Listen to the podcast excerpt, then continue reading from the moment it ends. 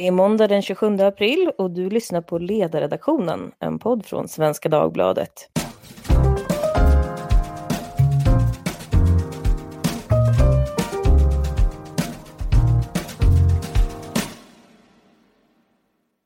Jag heter Lydia Wåhlsten och idag så ska vi ta en paus från coronakrisen och prata om ett annat område som många har betraktat som i konstant kris mest hela tiden, nämligen skolan. Idag kunde nämligen den utredning som i ungefär två år har tittat på likvärdigheten i skolan presenteras. Och med det också en rad förslag på hur den ska bli bättre framöver. Men det tog inte lång tid innan kritikerna skickade ut sina röksignaler och pressmeddelanden. Från Svenskt Näringsliv så undrade till exempel den tidigare högskoleministern Tobias Krantz hur det kan komma sig att udden i utredningen riktar sig mot friskolor trots att en majoritet av alla elever i Sverige går i kommunala skolor. Så vad säger den här utredningen egentligen? Och är förslagen bra för den som vill att skolan ska vara en studsmatta till en ljusare framtid? Det ska vi prata om idag. Med oss har vi Erik Lackoma, skolforskare och doktor i ekonomisk historia som arbetar vid Handelshögskolan här i Stockholm. Välkommen! Tack så mycket! Här finns också Fredrik Kristensson, utbildningspolitisk talesperson för Centerpartiet. Välkommen! Tack så mycket! Och sist men inte minst Karin Svanberg Sjövall, VD på den marknadsliberala tankesmedjan Timbro. Stämmer bra. Ja, min första fråga är rent deskriptiv och den tänkte jag ska gå till dig Karin. Vad är bakgrunden till den här utredningen? Ja, bakgrunden är väl att vi i tio års tid har haft en intensiv och bitvis ganska förvirrad diskussion om skillnaderna i resultat mellan både skolor och elever, som man har blandat friskt. Och där kritikerna till inte minst valfriheten har velat göra det till en fråga om att friskoleföretag och valfrihet klyver svenska elever i A och B-lag. Och där valfrihetens vänner har menat att det är helt andra saker, till exempel bostadssegregation, som driver fram en slags sortering på svensk skolmarknad. Eh, och där skolvalet faktiskt erbjuder alternativ för alla barn. Men jag tror att det också handlar om att eh, vänstern ju över tid har blivit allt mer friskolefientlig, men att man har börjat inse att det finns helt enkelt inte en majoritet för att ge sig på vinsterna. Och då har man tagit sikte på frågan om likvärdighet istället, eftersom man uppfattar att det är en mer framkomlig väg, eftersom det även inom borgerligheten finns en kritik.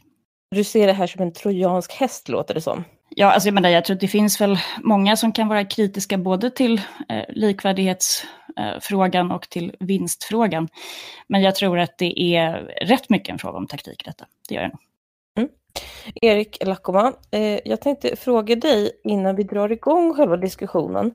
Det är just det här vad likvärdighet egentligen är för någonting och hur man mäter det. Kan du upplysa oss vad det är vi egentligen pratar om här? Ja, det är lite svårt för det finns ingen eh, säga, officiell definition av likvärdighet. Man kan väl säga att det handlar både om utfallet och resurser. I utredningen står det så här att, på sidan 15. I grunden handlar skolans likvärdighet om att elevs möjlighet att lyckas i skolan inte på ett systematiskt sätt ska bero på elevens familjebakgrund, var i landet eleven bor eller vilken skola eleven går. Är det sannolikt att man kan kompensera för alla de där faktorerna då? Alltså med tanke på att till exempel sånt som familjebakgrund, alltså till exempel genetiska faktorer svarar för väldigt stor del utav, utav eh, hur så säga, man presterar så går det naturligtvis inte att kompensera för detta. Men det finns ett uppdrag till skolan att man ska försöka i alla fall. Plus att det inte ska vara eh, liksom, så stora skillnader mellan mellan skolor på olika håll i landet eller beroende på vilket, vilket huvudman det är. Men det här kan ju också stå i konflikt med att man kan tänka sig följande läge att man har satt upp från då eh, riksdagens sida mål för vad skolan ska prestera. Och då är också målet att man ska komma så nära som möjligt det här. Och om man då säger att man har flera skolor som ligger långt ifrån det här, eller elever som ligger väldigt långt ifrån de här målen och den ena eleven närmar sig det mål som lagstiftaren har sagt upp att man ska nå i skolan. Då har ju så att säga spridningen ökat men en elev har ju så att säga närmat sig det så säga, objektiva kunskapsmålet. Så man skulle kunna prata om att det är också någon slags likvärdighetsfråga man väljer en annan definition. Men det är inte det som avses här. Det finns alltså ingen kvalitetsaspekt som sådan i det här utan det handlar om skillnader och framförallt systematiska skillnader. Och för att sammanfatta enkelt, vad, vad menar du att det är för skillnader som skolan då ska kompensera för? Alltså, utredningen har ju utgått från att, att, så att, säga, att det, det, är inte de egenskaper som eleven tar med sig till skolan som ska påverka eller i vilken kommun den ligger eller om personen går på en kommunal eller en fristående skola till exempel. Och att eh, skolan genom att anpassa undervisningen, också till exempel genom olika resurs, alltså resurstillskott till olika elever eller elevkategorier, ska kunna kompensera för, för det här och även anpassningen av undervisningen för att olika elever har olika behov. Fredrik, om jag vänder mig till dig då, du som kan tala till folk till skillnad från Erik som pratar med sina forskarterminologi. Vad är det skolan har för uppdrag här ur likvärdighetssynpunkt egentligen? Nej, men skolan har ju ett kompensatoriskt uppdrag och det är ju att man ska kompensera för de skillnaderna som finns beroende på var man, var man är född eller vilken familjebakgrund man har. Så jag, eh, jag är nog inte så mycket mer folklig än vad eh, Erik är i, i den eh, diskussionen kring definitionen. Eh, men det finns ju en ganska bred politisk konsensus i att vi behöver stärka likvärdigheten och, eh, och just att oavsett var du bor eh, eller vilka förutsättningar du har så ska du ha en chans att lyckas i Sverige och, och, att få en bra skolgång där öppnar ju många dörrar både till vidare studier men också till arbete och är därför en avgörande fråga. Ja, men anledningen till att jag frågar det här det är ju för att eh, vi kan ju inte veta vartåt vi styr om vi inte vet vad det är för någonting som vi försöker uppnå egentligen. Och eh, när man pratar om likvärdighet så känns det som att folk menar väldigt olika saker. Men det verkar som att vi får acceptera att detta är en, vad ska vi säga, en varierande variabel innan vi drar igång då. Min första fråga är så här. Är ni förvånade över de förslag som presenteras i utredningen? Ja eller nej? Vad säger Fredrik? Eh, nej, ja, det har ju funnits en diskussion kring, kring flera av de här frågorna eh, tidigare så att, att förslagen presenteras är väl inte särskilt förvånande. Är det någonting som du studsade på eh, när du såg dem? Ja, men alltså, det finns ju saker där som jag både tycker är, är bra och man behöver fundera vidare på. Sen är det saker som jag studsar på av, eh, där jag är mer skeptisk. Och det är ju just resurstilldelningsfrågan är en sån sak där jag reagerade. Dels eh, där man går fram eh, på det sättet när det handlar om eh, skolpengssystemet, att göra om det eh, ganska, ganska mycket i grunden och där jag tycker att det är synd att man inte tog ett brett grepp istället där det handlar om hur skapar man en transparens i det här systemet och skapar mer eh, likvärdiga villkor eller och nationella riktlinjer för att möta det. Eh, utan istället så, väl, eh, så mycket fokuserar just på de fristående aktörerna. Erik, vad säger du? Nej, jag är väl inte jätteförvånad. Nu är det väl ingen som har hunnit läsa de 786 sidorna som den här kom ut klockan 11 idag, men man har ju tittat på sammanfattningen. Men utifrån direktiven och de som har medverkat på olika sätt i utredningen så är väl kanske inte resultaten särskilt förvånande. Det här är frågor som har, precis som nämndes, liksom varit del av debatten. Flera av de som har deltagit i utredningen har också varit ganska publika med vad de har för uppfattningar. Direktiven pekade ut en riktning som Eh, på något sätt kan sägas handla om att dels uppfylla eh, krav från då, eh, Liberalerna och Centerpartiet, dels från, eh, dels från eh, vänsterpartierna i, i, i regeringen som handlade om friskolor och så vidare. Så det, är inga, det är inga nya förslag och inga nya diskussionsområden egentligen. Sen kan det finnas detaljer som, som eh, kan vara nya men det, det kan vara svårt att säga i och med att man inte, inte har gått igenom det här i detaljen. Eh, för jag vill bara förtydliga en sak och det är ju att det här, den här utredningen är ju inte en del av januariavtalet. Det här tillsattes under förra mandatperioden eh, av den dåvarande rödgröna regeringen så att, eh, och är dessutom inte med i januariavtalet. Så att, även om, de, om regeringen kanske försökte blinka till oss så, så var det i så fall förutseende för det här skedde och utredningsdirektiven tillsattes under, under den dåvarande mandatperioden.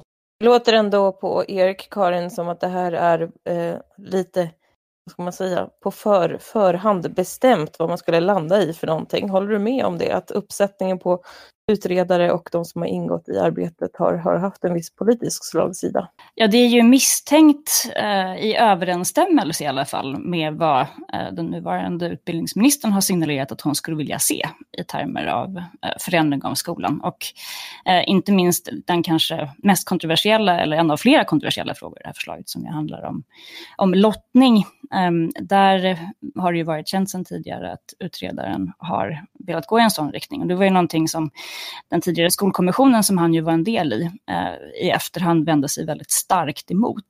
Eh, så det kom kanske inte som någon stor chock. Alltså det här är också en person som har varit i utbildningssvängen ganska länge, som är välkänd inom skrået. Eh, så på det sättet var det kanske ingen, ingen kioskvältare att det skulle gå eh, åt det här hållet. Det låter på Fredrik nu som att han vill friskriva sig från att det här på något sätt skulle ha med januariavtalet att göra. Tror du att Centerpartiet och Liberalerna kan, kan hålla spjärn här mot utredningen? Men jag, jag tycker det som jag har sagt som kommentar idag är ju som alltid behöver man ju dels läsa utredningen och det är en 700 sidor och som Erik sa, man hinner inte läsa det innan vi kommenterar det nu. Eh, och dels så är det ju, den här ska ju gå ut på remiss och jag är ju väldigt mån om att ta till de klokskaper som finns runt om i samhället på, på utredningens förslag och, och därefter titta vidare. Sen eh, tycker jag man, bara för den sakens skull så ska man ju inte slänga allt i papperskorgen bara för att man spontant kan tycka att vissa förslag är, är bra och vissa förslag är mindre bra, utan att, att man faktiskt eh, funderar vidare under den här, här tiden. Vad, vad är det som finns förutsättningar att kunna gå vidare med eh, och vad ska inte gå vidare med utifrån var man står politiskt. Mm. Jag ska, eh, Karin ska få svara där på min fråga om ni kommer lyckas hålla spjärn. Först måste jag fråga dig Fredrik, hur kommer det sig att just Centerpartiet inte kommenterade det här när Liberalerna var så snabba ut på banan? Det kan nog bero på eh, olika saker, men jag kan ju bara se till mig själv. Och jag, som jag sa innan, jag tycker alltid när det kommer eh, en utredning, personer har lagt lång tid eh, på att fundera över saker, eh, saker och ting, eh, att då är det ganska sunt att faktiskt läsa förslagen, diskutera med personer som läser förslagen och, eh, och därefter bilda sig en uppfattning. Och det är ju Eh, jag har hunnit läsa delar av utredningen under, under dagen, men det kommer ju behöva läsas ytterligare och, och, ha fler samtal med olika aktörer för att kunna bilda med en skarp uppfattning. Sen är det ju som jag har sagt eh, spontant förut, vissa delar som jag inte tycker är eh, är det mest kloka att gå fram med och andra saker som jag tycker är bättre. Men det kan ju också ändra sig längs vägen. Jag tror det är sunt att vara lite försiktigt långsam och tråkig i politiken ibland också. Karin? Eh, ja, det återstår väl att se. Alltså, att Liberalerna var ute snabbt var kanske inte så överraskande eftersom ändå, om inte alla, så en, en del av de större delarna av de här förslaget ändå går i deras riktning. De vill ju förstatliga skolan och även om det här inte eh, är en utredning eh, som går hela vägen så är det ju helt uppenbart att, att det är på den liksom, vägen som man vill, vill gå. Eh, vad jag tycker ska bli särskilt intressant att, att, se är ju hur borgerligheten reagerar på de här skrivningarna som har att göra med den sociala sammansättningen. Man eh, är ju inne på liksom ett kvoteringsspår här eh, för att öka likvärdigheten. Och det är ju ett spår som vi känner igen sedan debatten tidigare, men som brukar bli ganska obehagligt när man grottar lite i det.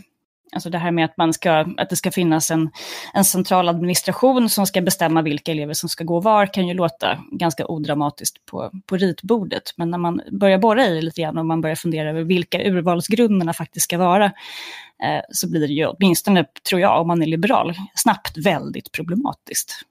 Alltså vilka grupper är det som ska ha företräde framför andra?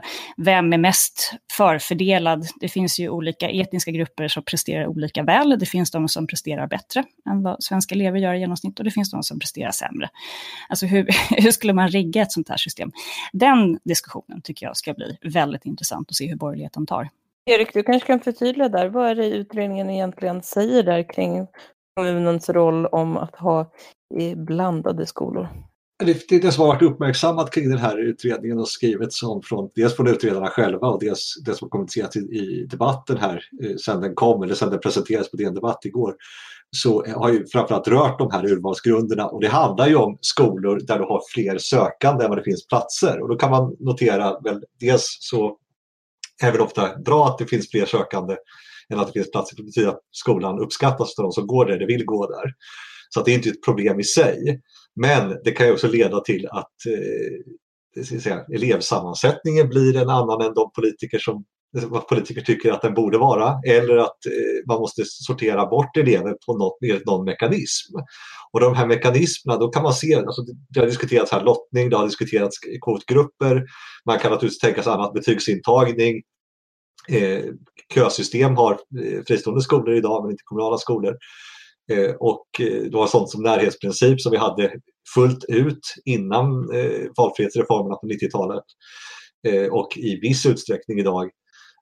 Så det finns olika mekanismer och alla de här har olika för och nackdelar. Och det finns man kan analysera dem utifrån olika kriterier. Till exempel liksom, Karin Svanborg var inne på det här med liksom legitimitet. Skulle det här liksom uppfattas som, som rimligt och acceptabelt till exempel med kvotering? Eh, man kan diskutera det i förhållande till till exempel lottning. Skulle elever eller familjer upp, uppskatta och acceptera att de lottades bort från en plats. Eh, det är som två av de här kriterierna. Eh, man kan se på andra av de här eh, utifrån perspektivet att man vill också uppnå att någon form av effektivitet, det vill säga att man får den skola som man eh, ja, den som vill mest gå på en skola kommer att i hög utsträckning få gå där. Det vill säga att om du har två familjer där man väljer mellan olika skolor. En vill jättegärna gå på den andra, ena skolan och den andra är different mellan två skolor. Så tycker att det spelar ingen roll utav dem så kan det vara bättre att barnet i den första familjen går på den skolan och helst vill och tvärtom och det skulle vara överslaget. Så det finns eh, olika kriterier som kan utvärderas på olika sätt. Det vill säga, till exempel legitimitet, transparens, förutsebarhet och effektivitet är sådana kriterier man kan anlägga för de här urvalskriterierna. Och det är väl en sån sak att om kommunerna ska få bredare möjligheter att eh välja hur elever ska fördelas så är det viktigt då att den här transparensen kommer till. Jag tänkte säga någonting om vad utredaren då, Björn Åstrand, skriver på DN Debatt och att vi ska gå igenom då lite grann av vad som står. Och eh, en sak som jag tänkte på, det var den första beskrivningen av skolans uppdrag. Då står det så här då. Skolans funktion kan beskrivas i termer av kvalifikation för arbetsliv och för ett aktivt samhällsliv, socialisering och personlig utveckling. Och det här ser man ju då som delmängder i varför man ska ha en blandad skola.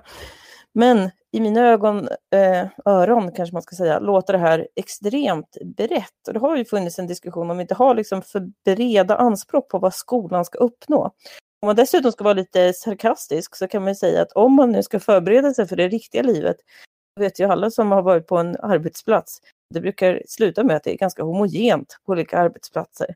Det är många små val som har lett dit. Varför skulle inte skolan vara en del i denna förberedelse för livets eh, egna åsiktskorridorer och sådana små rum? Men min fråga är, tycker ni att skolans uppdrag är för brett, Karin? Ja, absolut. Eh, jag tycker att vi har haft en lång period när vi har behandlat skolan lite grann som en slasktratt, eh, där allt mer av liksom, samhällets bördor ska läggas på, på lärarnas axlar. Det är att, att, liksom, att hantera, och där faktiskt kunskapsförmedling, som ju ändå borde vara kärnuppdraget, på något sätt har kommit längre och längre ut i, i periferin, än att man ska vara en god samhällsmedborgare och kritiskt tänkande och liksom det ena med det tredje. Eh, så det skulle jag definitivt säga. Fredrik, vad säger du? Jag säger väl både ja och nej. Jag tycker att eh, det är viktigt och jag håller helt med om det Karin säger, att kunskapsuppdraget är det allra viktigaste. Och sen tycker jag också det är viktigt att skolan har ett, ett bredare demokratiuppdrag också. Eh, men det är väl få områden som alla andra samhällsområden anser ska lösa problemen som finns. Eh, och där tycker jag mig hela tiden behöva hålla stången från andra politikområden vad skolan eh, ska lära ut för att eh, bilda medborgarna och lösa andra samhällsproblem. Och där tror jag det är viktigt att ständigt ha diskussionen. Vad är skolans eh, huvuduppdrag och vad är det man ska lära sig i skolan och i, i, i de olika eh, ämnena men också i de olika stadierna för Eh, för att eh, fullgöra kunskapsuppdraget. Och sen så finns det andra institutioner i samhället som kan vara med och bidra till eh, övrig kunskapsuppbyggnad och inte minst såväl föräldraansvaret men också föreningslivet och civilsamhället spelar en otroligt viktig roll i, i, i bildnings och kunskapsresor för människor. En annan sak är ju hur man pratar om den svenska skolan och nu har ju kunskapsresultaten gått upp, gått upp och det är ju alla väldigt glada för. Jag såg också att eh, Friskolornas riksförbund, en av deras kommentarer var så här att nu är inte rätt läge att reformera skolan. Just för att vi har fått liksom, positiva signaler. Men det jag inte får ihop då, det är hur man beskriver den svenska skolan. För i debatten då mm, kanske man får intrycket av att den svenska skolan är liksom den mest segregerade av dem alla. Men man skriver då så här, internationellt sett är den svenska grundskolan som helhet relativt likvärdig och skolsegregationen begränsad. Så Erik, hur ligger det till?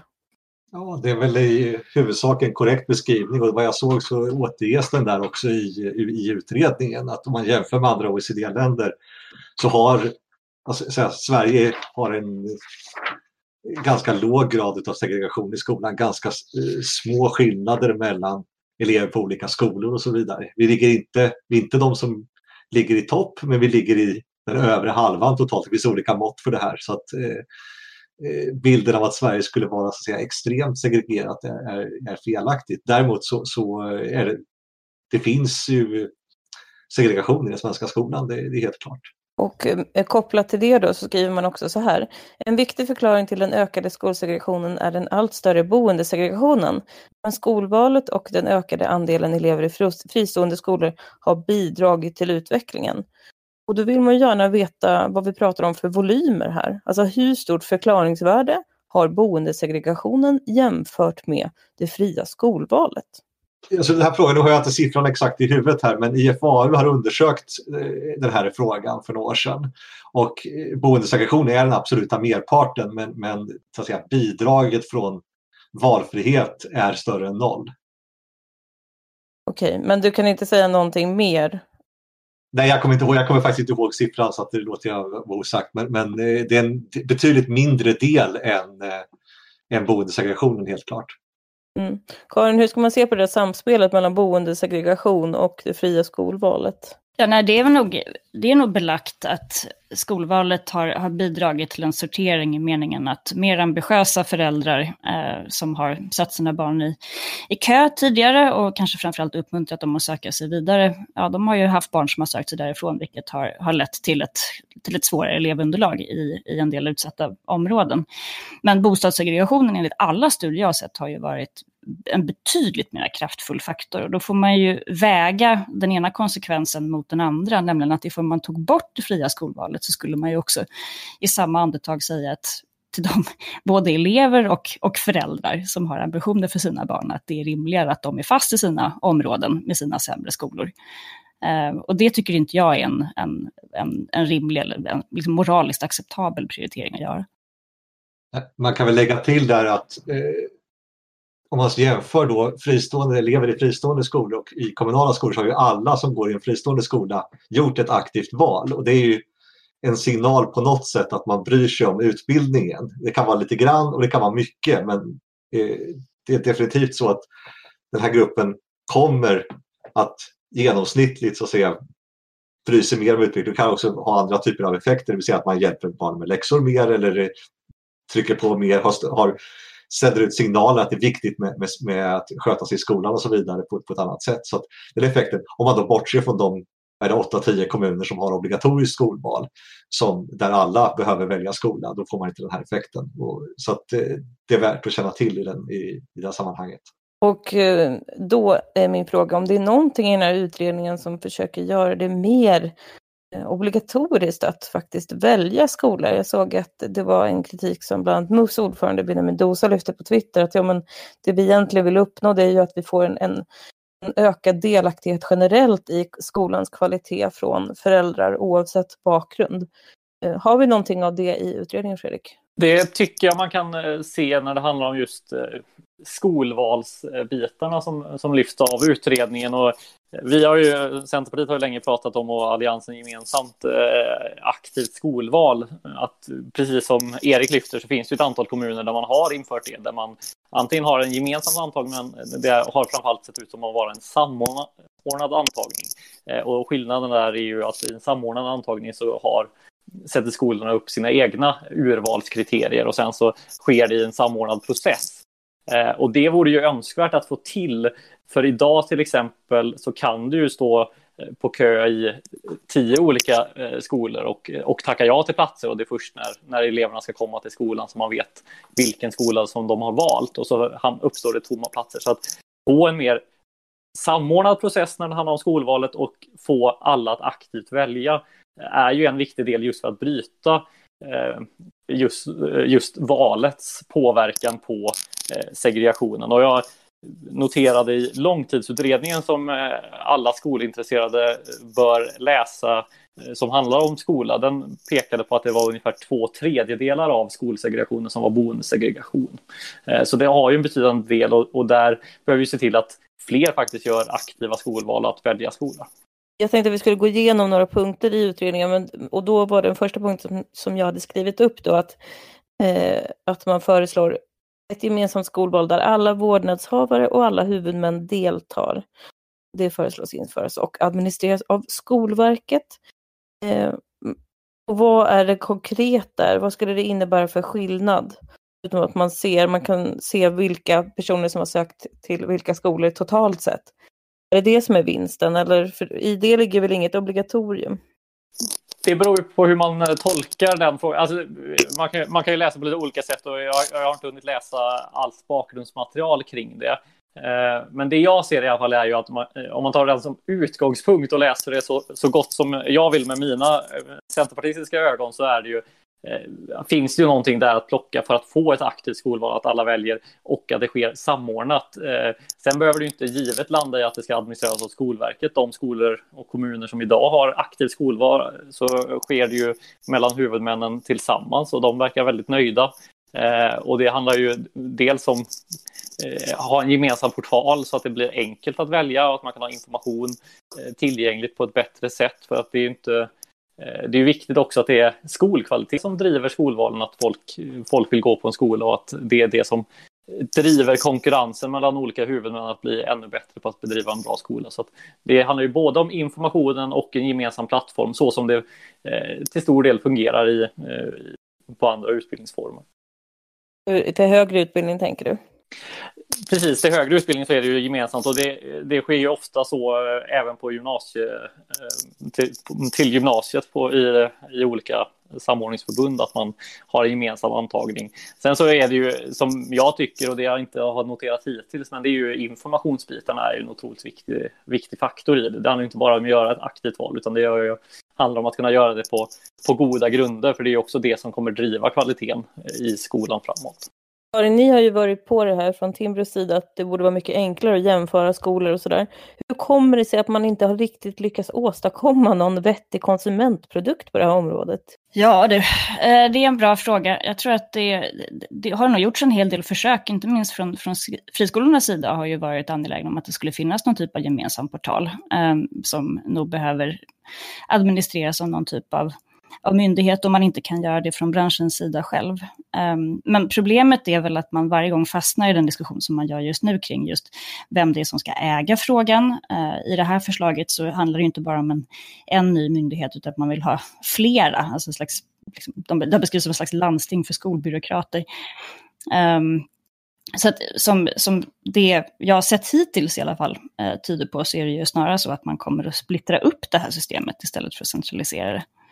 Eh, och det är ju inte, tror jag, särskilt smart i det här läget. När jag tror att just informationsbiten är den centrala för att få ett mer aktivt skolval som också är mer universellt än vad det är idag. Och du menar att den här splittringen drivs av att man försöker skapa olika myndighetsstrukturer? Ja, man vill regionalisera eh, en del av, av det här. Man vill ha regionala skolmyndigheter eh, som kommer sitta på en mängd olika eh, uppdrag, bland annat just samordningen av skolvalet.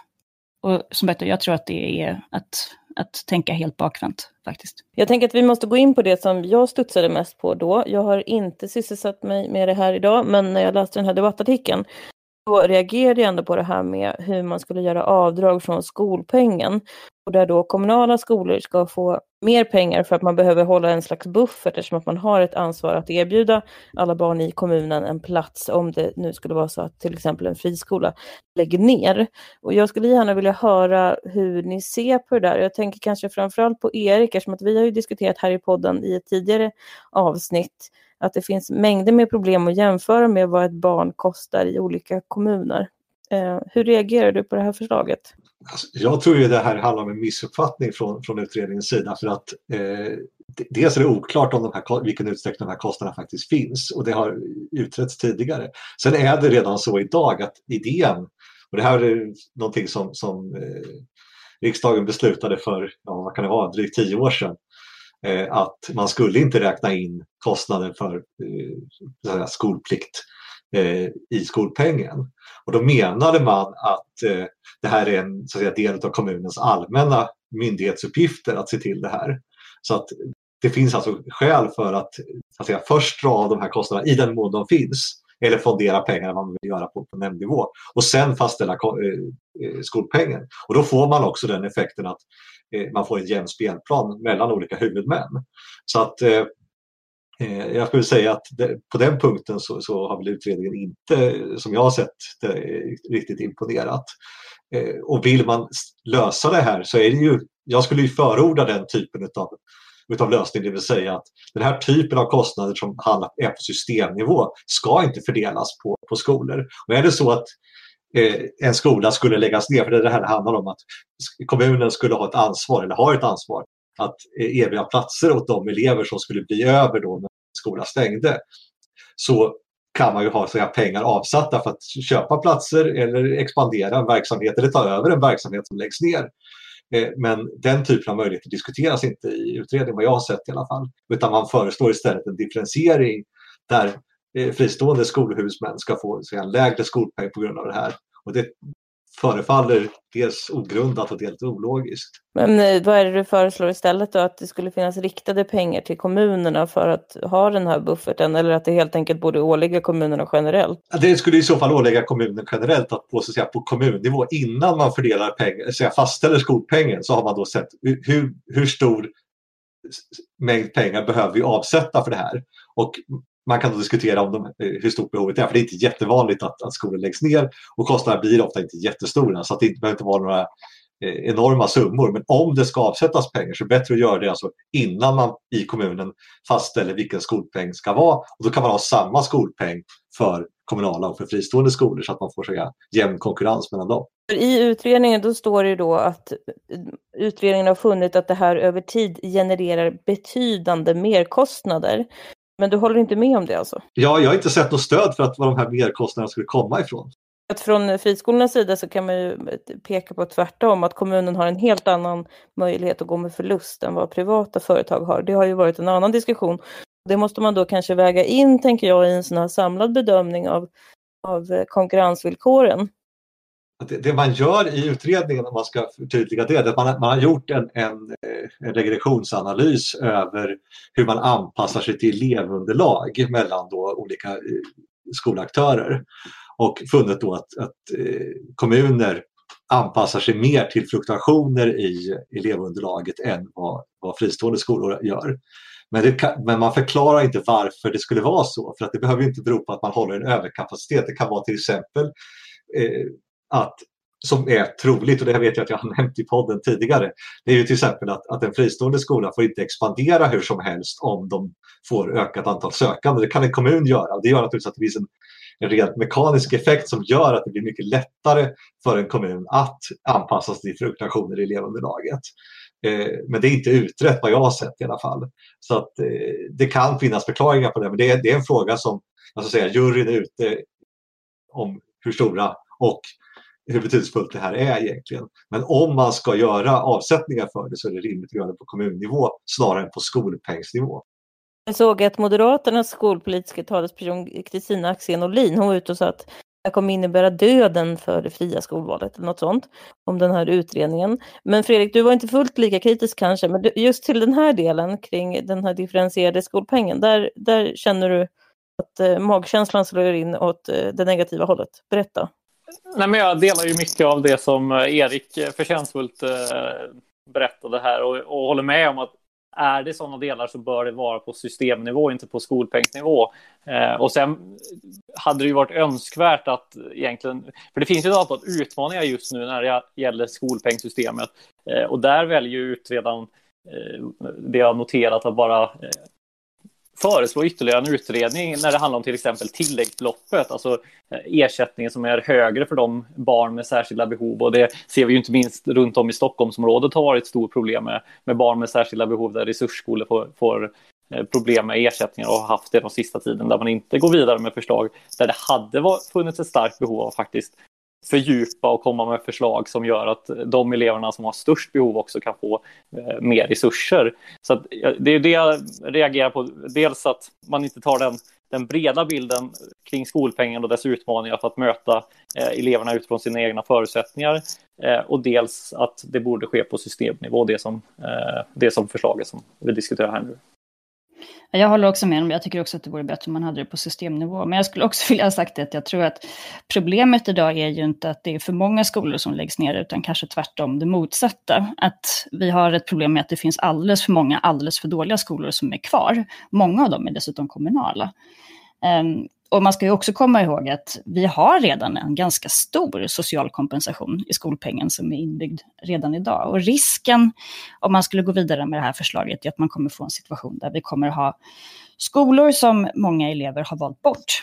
på goda grunder som snarare kommer överkompenseras. Eh, och då kommer vi få se ännu mindre av det som vi ändå hoppades uppnå med att införa konkurrens. Eh, nämligen att det går ut signaler i systemet kring vilka skolor som faktiskt fungerar och vilka som inte gör det. Men det, det, där är, det där är en bra kommentar för att eh, man kan understryka att om, om, konkurrensen ska fungera så måste de skolor som inte presterar eh, kunna läggas ner. Och man kan se över tiden så har det lagts ner förvånansvärt få skolor. Mycket färre än vad som jag hade räknat med och vad som kanske borde eh, ha skett. Och det gäller både kommunala och fristående skolor. Men som tycks klara sig mycket längre än vad som kunde vara rimligt. Och det förklarar också att det inte har blivit så mycket övertagande av elever från skolor som har, har lagts ner eller gått i konkurs. Så att de där hänger, sakerna hänger ihop. Men det har också skett en påfyllning av elever till exempel. Och eh, de har också tenderat att hamna i vissa, vissa skolor i vissa kommuner så att de har fått ett, säga, ett automatiskt tillflöde av till exempel nyanlända som har säga, fyllt upp platser i skolor som annars kanske hade lagts ner om, om de hade tappat elever på grund av att de har bytt till andra skolor. Så att det där är, man har räddat skolor på olika sätt. Dels genom den effekten men också genom att man har tillskjutit pengar till skolor som har presterat dåligt vilket gjort att man har klarat sig, alltså inte direkt men alltså systemet har varit utformat på ett sådant sätt så att de har kunnat drivas vidare. Och sådana förslag finns även i utredningen som gjort att, så att säga, det blir ännu mindre incitament att lägga ner skolor som är underpresterande. Men eh, vi kommer tillbaka här till där vi började kring likvärdigheten. Min övergripande fråga, går det att ha en helt likvärdig skola om vi har konkurrens och valfrihet just för att de här signalerna måste gå fram? Finns det ett sådant nirvana-scenario, Erik?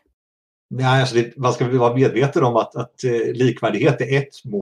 Det kan stå i, det kan stå i, i konflikt med valfrihet, med kvalitet och så vidare och vilka resultat som skolan presterar, alltså enligt andra mått än just eh, utbildningsresultat. Så att det här är ju avvägningar som man ska göra som är politiska. Men det finns inte eh, det finns ingen automatik som säger att om man bara gör skolan likvärdig så blir allting bra. Det kan vara tvärtom att vi kan få en, en likvärdigt dålig skola också, precis som en likvärdigt bra eller en skola som är bra men kanske inte likvärdig till exempel. Om vi skulle höja blicken innan vi avrundar här då Eh, och jag vänder mig till Karin och Fredrik. Om, om det här inte är skolans problem, vad skulle det vara då? Eller är det här skolans problem kring likvärdigheten?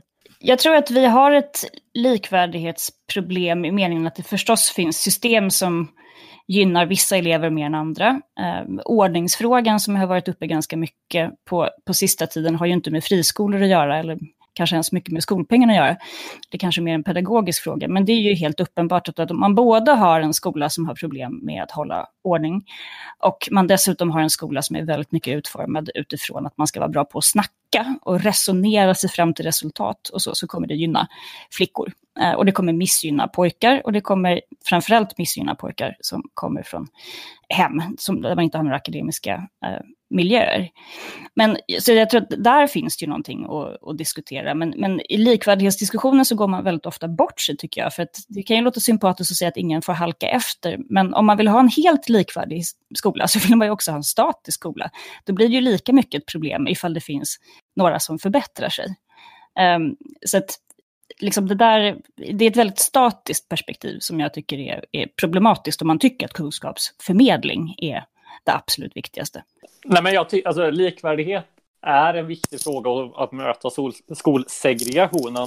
Eh, sen är det ju viktigt att ha fokus på, på rätt saker och då tycker jag det absolut viktigaste är att se till hur stärker vi Eh, de skolor som inte har tillräckligt hög kvalitet, att de antingen förbättrar sig eller att eh, inte fortsätter bedriva verksamhet och se till att alla elever oavsett var man bor får rätt förutsättningar. Så att problematiken och att adressera det här problemet är helt avgörande eh, för att skapa bättre livschanser oavsett, oavsett var man kommer ifrån. Sen handlar det om såväl input som output, men kanske framför allt outputen. Hur väl lyckas en skola höja barns kunskapsresultat utifrån deras förutsättningar. Eh, och där pekar ju på vad jag hittills har kunnat läsa ut av utredningen ändå på att Eh, resurserna är en fråga, men det är inte, det är inte liktydligt med att det, är, eh, att det ökar kvaliteten med mer pengar, utan det handlar om många andra faktorer. Karin var inne på trygghet och studiero. Ledarskapet i skolan eh, är en framgångsfaktor, såväl rektor som, som lärare, och då är det ju att se till att de får bra förutsättningar för att Eh, stärka alla skolor. Och, och då är det många andra delar som också finns i den politiska disk diskussionen som är viktiga. Att, eh, hur man ser till att skolor snabbare stänger eller skapar trygghet och studiero och så vidare. Och med det hörni så är det dags för min eh, sista fråga. Och det är att om ni ser på hela den här utredningen och så väljer ni ut något som ni verkligen stör er på och ska bevaka nu framöver just för att ni tycker att den är så viktig. Vad är det då ni kommer hålla koll på? Erik? Ja, bra, väldigt bra fråga. Det, det är många frågor som tas upp i den här utredningen. Men vi har, vi har ju nämnt den här frågan om eh, som jag tyckte var lite märkligt att den behandlades på det sättet. Och det var ju den här eh, skolpengs, eh, du, skolpliktskompensationen som jag har varit inne på tidigare. Men, men för att nämna någonting annat, det som också har tagit ut är de här urvalsgrunderna. För att eh, man måste se att olika urvalsgrunder har olika, eh, olika resultat som kan vara motstridiga och målen behöver inte uppnås genom att man så att säga, väljer en framför en annan. Men kopplat till det så ska man titta på varför kommer det sig att eh, alltså, säga, det finns köer och behov av att eh, göra urval mellan elever. Och det är framförallt att de skolor som är attraktiva inte får expandera. Och eh, det är väl en sån fråga som borde lösas om man så att säga, kan komma åt grundproblemet att Eh, till exempel att eh, där det finns en kö att den, den, skolan får öppna en filial utan att behöva söka ett nytt tillstånd. Det vore till exempel eh, en, en mycket enklare lösning än att, att grotta ner sig i hur man ska komma åt den här fördelningen eh, så att säga, i steg två när man kan lösa problemet i steg ett. Så du menar helt enkelt att det borde vara fri etableringsrätt om en, en, eh, en aktör har visat att den är seriös så borde man, filialerna behöver inte prövas så att säga? Alltså idag så får du expandera en skola, man får inte göra det på samma plats. Så att eh, till exempel skulle man kunna tillåta en skola som har tillstånd att operera i en kommun att eh, öka antalet platser på, i en filial i samma kommun om den har eh, elever som vill gå på skolan. Det skulle, så, alltså, kommuner får expandera sin verksamhet hur som helst. Det vore till exempel fristående skolor för det här handlar om fristående skolor, de här urvalet framför allt. Eh, det är de som är populära och det är där det finns köer och det är där det pratas om att man måste ställa sig jättetidigt i kö. Och det är där det pratas om att hur ska man eh, liksom lotta ut platser, hur ska man fördela dem på olika sätt. Så att det tror jag skulle man, man skulle börja där om man vill komma åt det här problemet. Mm. Det får väl bli ett medskick då, bland annat till Centerpartiet och Fredrik som sitter i studion. Jag tror inte att det är så många som känner till det, så det var väldigt intressant. Ehm, Fredrik, vad håller du koll på för någonting? Nej, men jag tycker vi har varit inne på de delarna. Jag tycker hela utmaningen och diskussionen kring skolpengen är ju en sån fråga som jag kommer att hålla ögonen på. Jag tycker att det, det finns mycket mer att göra där för att skapa en mer transparent och eh, eh, ja, tydligt system helt enkelt. Och jag tycker att eh, eh det borde tas mer på systemnivå, det som utredarna diskuterar. Karin, då får du komma med din, ditt liberala brandtal här på slutet. Du hade en liten passage här alldeles nyligen när du lät som Margaret Thatcher i den här kända sekvensen när hon pratar om skillnaden mellan eh, jämlikhet och frihet. Och vad kommer? Ja. ja, jag vet inte om jag gör dig besviken nu då, men jag måste nog också säga att jag, jag håller nog mest koll på den här frågan om skolpengen, trots allt. Eh, och det handlar väl framförallt om att djävulen bor i detaljerna, både principiellt och rent praktiskt. För att om det är så att man skulle ta en, en, en hyfsat stor andel av den befintliga skolpengen nu, så, så kommer ju det slå ut väldigt många skolföretag. Och det kommer inte slå ut dem på basis av vilka som är bra eller vilka som är dåliga, utan helt enkelt på basis av att de allra flesta skolföretag har väldigt små marginaler. Eh, så om man gör den här omfördelningen från dem så tror jag att man kan vara ganska säker på att eh, det kommer få väldigt dramatiska konsekvenser.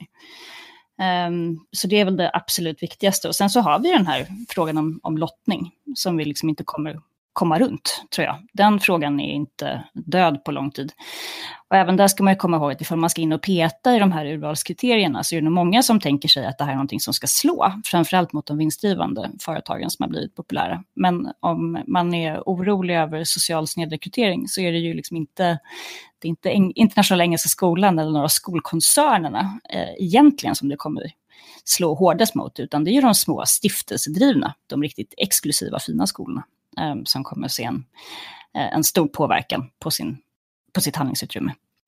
Eh, och det tror jag inte alltid att politikerna är helt ärliga med, därför att de älskar man att gulla med i den allmänna debatten, ehm, medan de stora företagen är liksom skurkarna i regin.